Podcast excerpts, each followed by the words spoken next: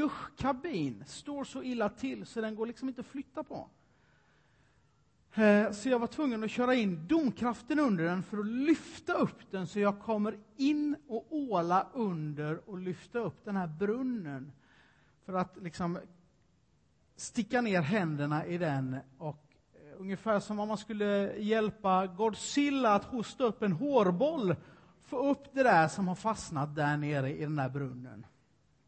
Ja, ni vill inte veta mer så här på söndag förmiddag om hur det känns. Men eh, eh, jag gjorde det ändå med viss glädje, för jag visste att förra gången det var fullt i den där brunnen, eh, så rann det över, och det rann över tröskeln, och det rann igenom golvet, och det droppade ner ur taket i vardagsrummet, ner på möblerna, för att nästan göra fläckar i, på, på parkettgolvet där nere. Och, Eh, Eh, det där förstörelsen vill jag inte vara med om. Så jag gör mig åbäket och hämtar den där domkraften och gör allt det där jobbet.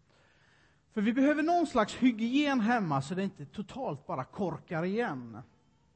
Och så tror jag livet är. Liksom det, det, det, det tenderar till att samlas smuts i hörnerna hemma och så är det ju med oss personligen. Vi behöver på något sätt skrubba av oss ibland för att eh, hindra förstörelse och sjukdomar. Men jag tror att det är likadant med våra relationer. Jag tror att det samlas en massa smuts och bös och om inte vi sköter våra relationer ordentligt så gror det igen. Och då poppar upp en massa konflikter. Det är något naturligt på ett sätt, för, för så är det. De existerar, konflikter. Och det ska vi prata lite grann om idag. Ofta på grund av missförstånd. Eller pers personkemi. Ni vet, vi har olika personlighet, vi har, vi har fått olika gåvor och talanger och passioner och så har vi olika brister, vi har olika svagheter. Och när det där blandas i en människa och så ställs det jämte en annan människa som har en annan blandning, en annan kombination av styrkor och svagheter, passioner och gåvor, så går det ibland i clinch.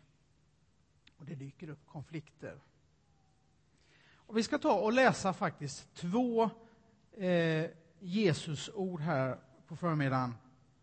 Det första är från Matteus 5 och det andra är från Matteus 18. Som blir någon slags utgångspunkt. I Matteus 5, vers 21, så läser vi.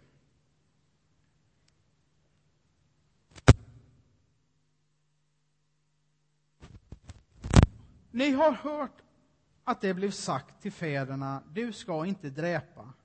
Den som dräper undgår inte sin dom, men jag säger er, det är Jesus själv alltså, den som blir vred på sin broder undgår inte sin dom, och den som okvädar sin broder undgår inte att ställas inför rådet.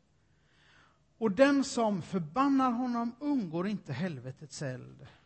Om du bär fram din gåva till offeraltaret och där kommer ihåg att din broder har något otalt med dig, så låt den ligga framför altaret och gå först och sona, försona dig med honom. Kom sedan tillbaks och bär fram din gåva. Skynda dig att komma överens med din motpart medan ni ändå är på väg, så att han inte överlämnar dig åt domaren och domaren överlämnar dig åt vakten och du sätts i fängelse.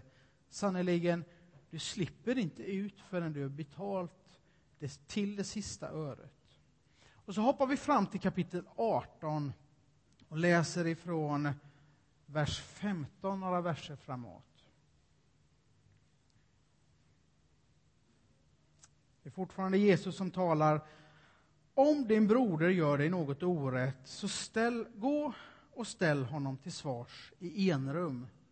Lyssnar han på dig så har du vunnit tillbaks din broder. Men vill han inte lyssna, ta då med dig en eller två till. För på två eller tre vittnesmål ska varje sak avgöras. Om han vägrar lyssna på dem, så tala om det för församlingen. Vill han inte lyssna på församlingen heller, betrakta honom då som en hedning eller en tullindrivare. Det verkar som att när vi läser om relationer så är det väldigt viktigt för Gud att ta itu med det, som inte står riktigt rätt till. Och för det första tror jag att det är riktigt viktigt på grund av vårt känsloliv. För känslolivet styr väldigt mycket av det som är vi. Och konflikter sprider och tänder vrede i människor. Och vrede blir lätt bitterhet och annat skräp och bös i vårt inre som stockar igen. Och det hindrar Guds shalom, Guds frid, Guds harmoni och Guds kärlek att få ta plats i våra liv. Och egentligen är det inte själva vreden eller att bli arg som är bekymret, utan det är den ohanterade vreden som är bekymret. Och det är det som föder vad vi kallar synd. Det korkar igen, det rinner över och det förstör som vattnet i den där duschen om vi inte rensar den emellanåt. Här beskrivs det som en helvetes eld. Jag tänker mig den där giftiga röken som eh, sprider sig och förgiftar ett helt sammanhang om den inte hanteras. Kanske en arbetsplats, kanske grannskapet där vi bor, kanske föreningen vi finns i eller till och med församlingen. Men också omsorgen om varandra gör det riktigt viktigt att hantera våra konflikter. Vi måste ge varandra en chans att växa och mogna och försonas. Varje gång vi går vilse i handling och sårar varandra och gör fel så måste vi möta varandra med nåd. Och att ha överseende eller att bortse från en annan människas fel och brister och övertramp, det är inte nåd. Det är apati. Men nåd handlar om att kliva in i ett sammanhang och tillföra det som fattas, att eh, ibland hålla upp en spegel och säga det här är vad du skapar omkring dig, det här vill jag hjälpa dig att växa ur och ifrån. För målet med all konflikthantering måste vara upprättelse och försoning. Upprättelse och försoning. För, och det tredje, så är det ju relationer mellan människor och mellan människor och Gud som verkar ligga liksom närmast Guds hjärta.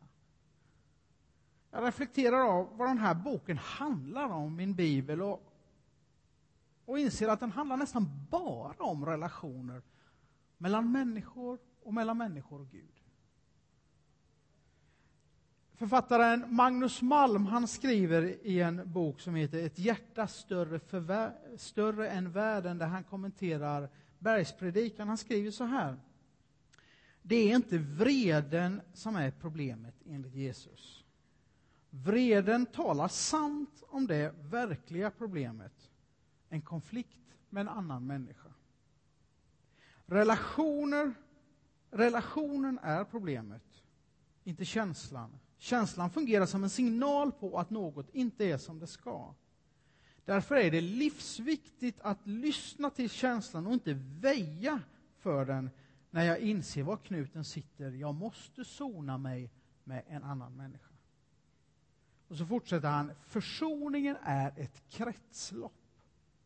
Jesus är tydlig med att det inte går att vara försonad med Gud och oförsonad med en människa. Det blir ohjälpligt stopp i relationen åt alla håll för livet, det hänger ihop. Återigen, relationen till Gud är personlig, men inte privat. För mig höjer det här angelägenhetsgraden i att ta itu med sina relationer och framförallt de som inte är riktigt bra. Vår relation tycks vara förbunden med och beroende av vår relation, vår relation med människor är förbunden och beroende av vår relation med Gud. Och tvärtom, vår relation med Gud är förbunden och beroende av vår relation med andra människor. Och evangeliet i det här, de goda nyheterna här, det är att Gud har gjort det möjligt. Gud har gjort det möjligt för oss att hantera våra konflikter och försonas med våra medmänniskor. För det första för att det är han som har skapat oss. Det är Gud själv som har givit oss vårt värde. vår värdighet och vår integritet. Gud, han har sagt att han älskar oss. Det finns ingenting, och vi har pratat om detta ett par söndagar, det finns ingenting vi kan göra för att Gud ska älska oss, varken mer eller mindre. Och det ger Gud oss. Och vi behöver inte försvara det själva. Varken eh, vårt värde, vår värdighet eller vår integritet. Och vi behöver aldrig vinna i en konflikt för att eh, undgå förkastelse eller känslan att vara oälskad eller förlora vår integritet. För det har Gud redan vunnit åt oss. Och för det andra för att Gud, han har gått före. Den allra största konflikten, den mellan Gud och människa, den som har sin rot i det vi kallar syndafallet, den som har spridit sig till alla människor, den har Gud en gång för alla gjort upp med. Genom Jesus Kristus, när han ger sitt liv på korset. Och Guds förlåtelse genom Jesus Kristus och allt det han gör, det ger oss en förebild på att vi är den som tar initiativet. Och att vi är den som är beredda till uppoffring. Men också hans närvaro i den heliga Ande ger oss kraft och glädje att hantera våra konflikter. Och det ger oss en motivation att försonas, att vara generös. Så hur går det här tillväga då, kan man ju fråga sig. Och det finns ju jättemycket man kan säga om det. Jag har samlat eh, några tankar under tre punkter. Och här kommer den första, och det handlar om att det är mitt initiativ. Jag behöver ta första steget. Och när jag säger ja så hoppas jag att du mumlar med jag.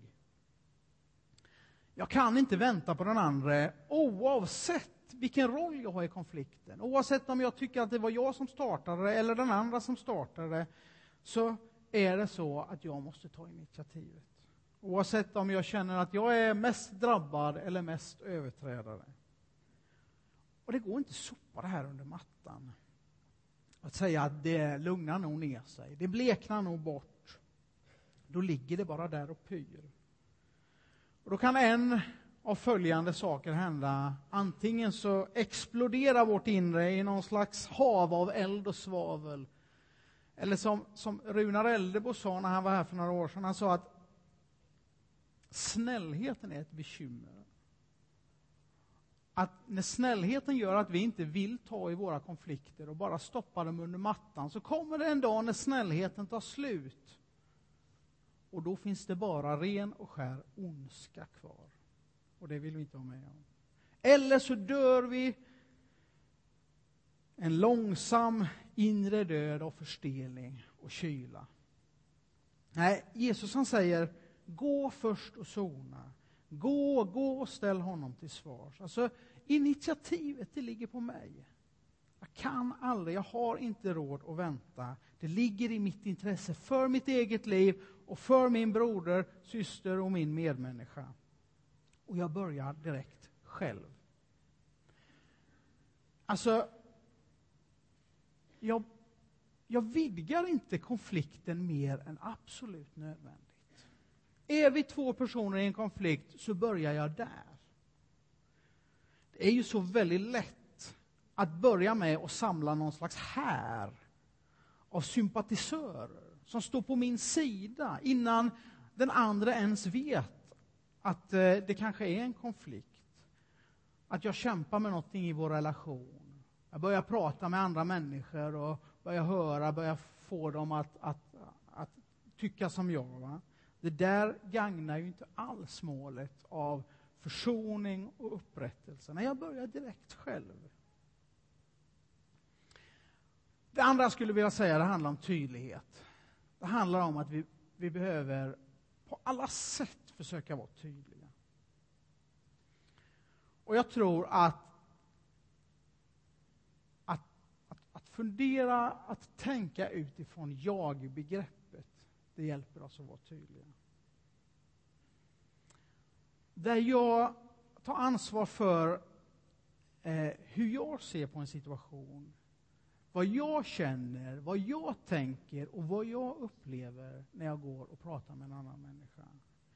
Jag säger, det här är mitt perspektiv. Det här var vad den här situationen gjorde med mig. Det här var så, vad, vad jag upplevde. Och undvika att projicera sina egna tankar på den andra människan. Eller kanske anklaga den. Du vill ju alltid, du säger ju, du gör. Sådär va. För det gagnar inte heller saken. Det finns alltid fler perspektiv. För det andra tycker jag att vi behöver vara konkreta. Och här blir det ju riktigt viktigt att, att, att ta tag i bekymmer fort, för att vi ska komma ihåg. Så inte vi lägger undan någonting på hög och så pyr det och så tänker man, nej men, och hur var det nu igen? Utan vi behöver ta tag i någonting och tala konkret om det här var vad som hände. Vi kommer ihåg detta. Eh, vilka ord specifikt? Vilken handling specifikt? Vad hade jag för förväntningar? Vad hade du för förväntningar? Eh, och så undviker vi generaliseringar. För ni vet, om vi stoppar undan det och väntar riktigt länge tills tålamodet verkligen har tagit slut, då kommer de här, du ska ju alltid, du gör ju alltid, många tycker, och så kommer vi inte ihåg riktigt vad det var som hände. Vi kommer inte ihåg riktigt, men vi vet bara att det är något väldigt, väldigt starkt som bubblar inom oss. Och, och alla som sysslar med det inre av människan vet att en, eh, känslor det är väldigt mycket starkare än intellekt. Och låter vi det inte komma ut på en gång så kommer det som en störtflod. Försök att undvika generaliseringar. Det här var det som hände, det här var det som gjorde mig ledsen, det här etc. Just för att det är försoning och upprättelse som är målet. Inte anklagelse, osämja eller hämnd, inte att liksom trycka ner någon annan i skorna. Och extra svårt kanske det är när man ska försöka prata med någon som man tycker har, är mer kraftfull eller har mer, har mer eh, makt i vår relation än vad jag har. Då vill man gärna försöka liksom ta i med släggan. Men det missar hela målet.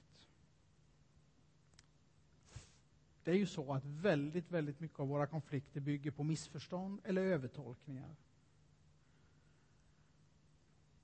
Ni vet, när någon hemma i familjen kommer och säger eh, Vad tycker du om den här kjolen? Och någon annan säger Den var väl snygg? Och, och menar att den var väl snygg. Men får tillbaks Vadå väl? Du tycker inte den är snygg alltså? Ja, men det var den väl?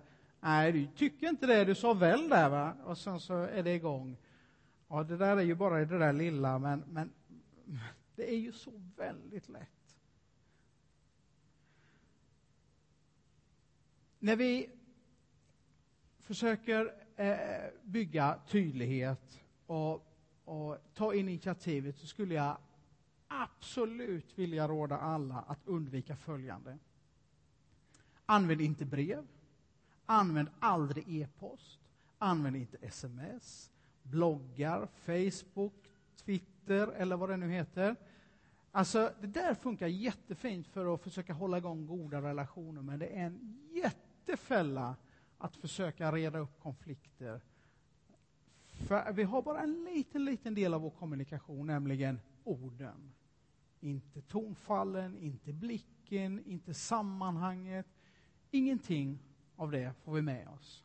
Och jag har en känsla av att det är inte bara jag som har en fallenhet för att tolka det mesta på, på värsta möjliga sätt när man, när man får ett meddelande på det sättet. Alltså, vi måste kunna prata med varandra öga mot öga. Det är helt enkelt rött kort på elektronisk media och även post, skulle jag säga. Det är en, sak till eh, som är viktig, och nu blir det lite mycket här, men, men det här är ganska viktigt när det gäller tydlighet. Det är att inte förandliga en situation. Och vad menar jag med det? Då? Alltså andlighet, hela livet är ju andligt, absolut. Men det är lätt att andligheten, eh, om man är en andligt medveten människa, blir något slags slagträ. En kollega när jag jobbade i sjukvården eh, uttryckte sig på ett sätt som var riktigt sårande för mig och jag, jag närmade mig henne efter ett tag och sa att eh, det, där, det där gjorde mig riktigt illa, jag skulle gärna ha en ursäkt. Varpå hon svarar, eh, och hon var en, en varmt kristen människa som hade också ägnat en hel del av livet åt att vara missionär i ett u-land. Hon svarar, du, jag ska fråga Gud om han vill att jag ska be dig om ursäkt. Och det där bara klädde av hela mig. Och om jag var nedtryckt i skorna av hennes första kommentar så var ju detta någonting som bara öste på det lasset. Eller ibland har jag läst någon slags eh, eh, e-post, inte till mig, men, men där någon eh, eh ut efter noter skäller ut en annan människa med teologiska resonemang och så slutar man med ”jag ber för dig”.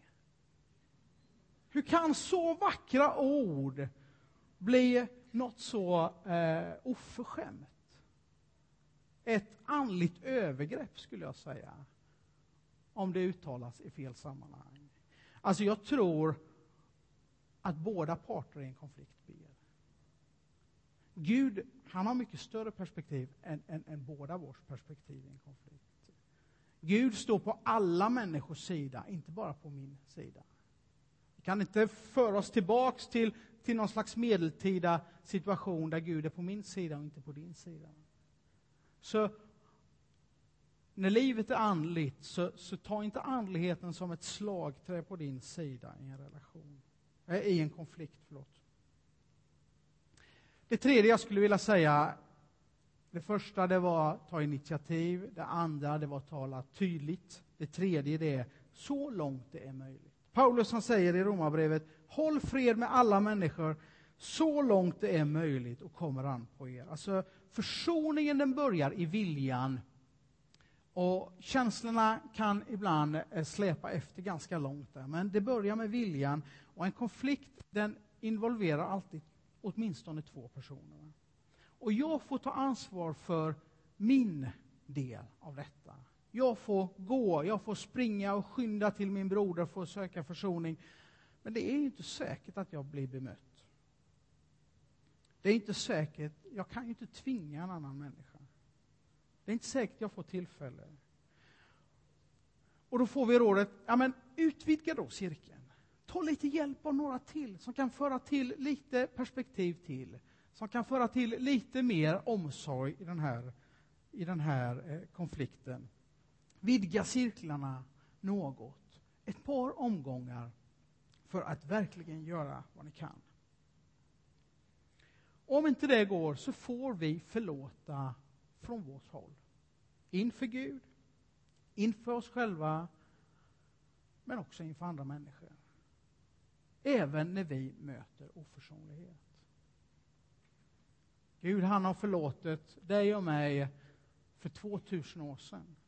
För det som vi ber om idag. Och vi får göra samma sak.